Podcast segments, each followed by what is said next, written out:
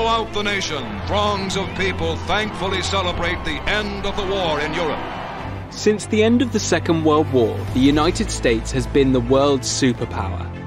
And the strength of the US dollar as the dominant international currency plays a key role in its influence on the global stage. Banyak pakar memprediksi tahun 2030 akan terjadi the Great Reset. Lantas sejauh mana Indonesia? Kita kupas di Nalar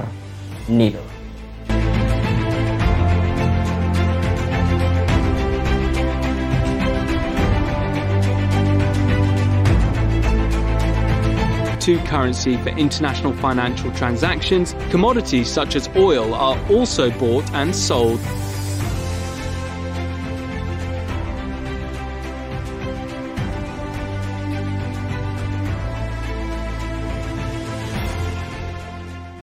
banyak pakar sudah memprediksi bahwa 2030 adalah puncak klimat dari The Great Reset. Dan kita juga bisa lihat bagaimana tanda-tandanya belakangan ini juga sudah mulai muncul. Di mana melemahnya mata uang dolar, banyaknya negara-negara yang mencoba untuk beralih dari mata uang dolar ke mata uang mungkin negara dia masing-masing atau kebijakannya masing-masing. Kita tahu bahwa beberapa negara seperti Irak dan juga Libya dihukum Amerika Serikat karena mencoba untuk transaksi tanpa dolar.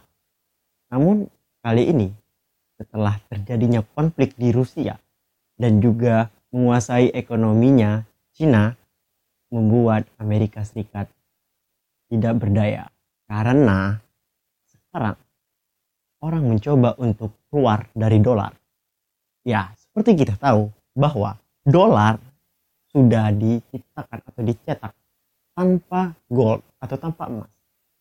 Mereka money printing. Bagaimana mungkin Amerika Serikat mempunyai banyak hutang dengan mudahnya mencetak uang untuk kebijakan atau aturan yang dia buat. Sampai mana dolar itu bisa bertahan?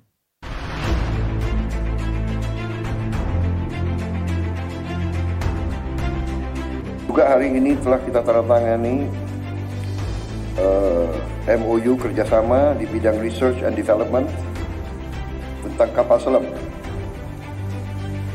antara PT PAL dengan Naval Group dari Prancis yang uh, tentunya akan mengarah pada pembelian dua kapal selam Scorpion dengan AIP beserta persenjataan dan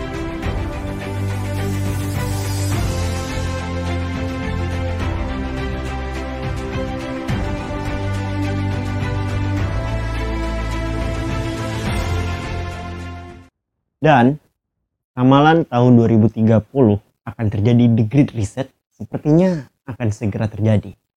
Namun tentunya jika terjadi the Great Reset tidak mudah untuk membalikan telapak tangan. Kemungkinan akan terjadi perang. Bisa juga perang dunia ketiga. Lantas, apa? Jauh mana Indonesia mempersiapkan diri? Mungkin dengan adanya belanja alutsista besar-besaran yang dilakukan oleh Prabowo dan juga Presiden Joko Widodo untuk jet-jet tempur kita itu bisa saja merupakan sebuah prediksi bahwa akan terjadi perang atau konflik. Ya, kita tahu bahwa alasan kita untuk uh, alasan kita untuk melakukan belanja besar-besaran ini adalah peremajaan. Kita tahu bahwa ada banyak jet-jet tempur kita atau juga alusista kita itu sudah sangat ketinggalan. Bahkan di global PowerPoint saja bahwa jet-jet tempur kita yang terlilis di sana itu tidak sampai 30% yang bisa digunakan. Bahkan 7%, 70% di antaranya merupakan pesawat latih ya kita nggak bisa menjadikan patokan.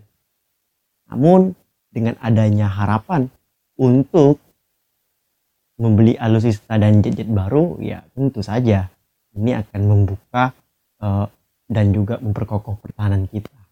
Lantas, kenapa memberi dan alutsista ini seperti terburu-buru? Ada banyak tenggat waktu dari jet, kapal frigate, alutsista lainnya itu harus bisa siap sebelum tahun 2026. Apa benar Perang Dunia Ketiga akan terjadi pada tahun 2026? Salah. Namun kalau kita lihat bagaimana panasnya global belakangan ini, ya itu saja bisa terjadi. Dan tentu alasan hanya sekedar untuk memperkuat Natuna tentunya sangat tidak kuat karena alusista yang dibanjakan sangat besar. Ya, dengan alasan untuk membuat pertahanan IKN itu akan membuat belanja besar-besaran yang dilakukan oleh pemerintah Indonesia sangat realistis. Kenapa? Karena tentunya ada sebuah negara yang belanja besar-besaran atau mencoba untuk memperbaiki mitra lebih besar. Saja negara itu mungkin akan melakukan investasi atau di bagaimana pendapat keluar alam.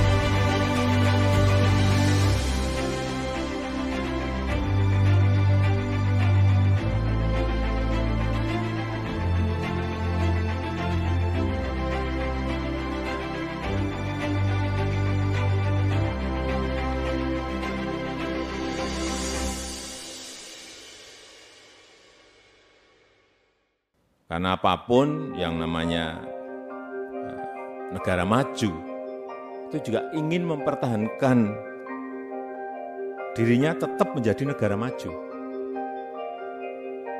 Itu pasti.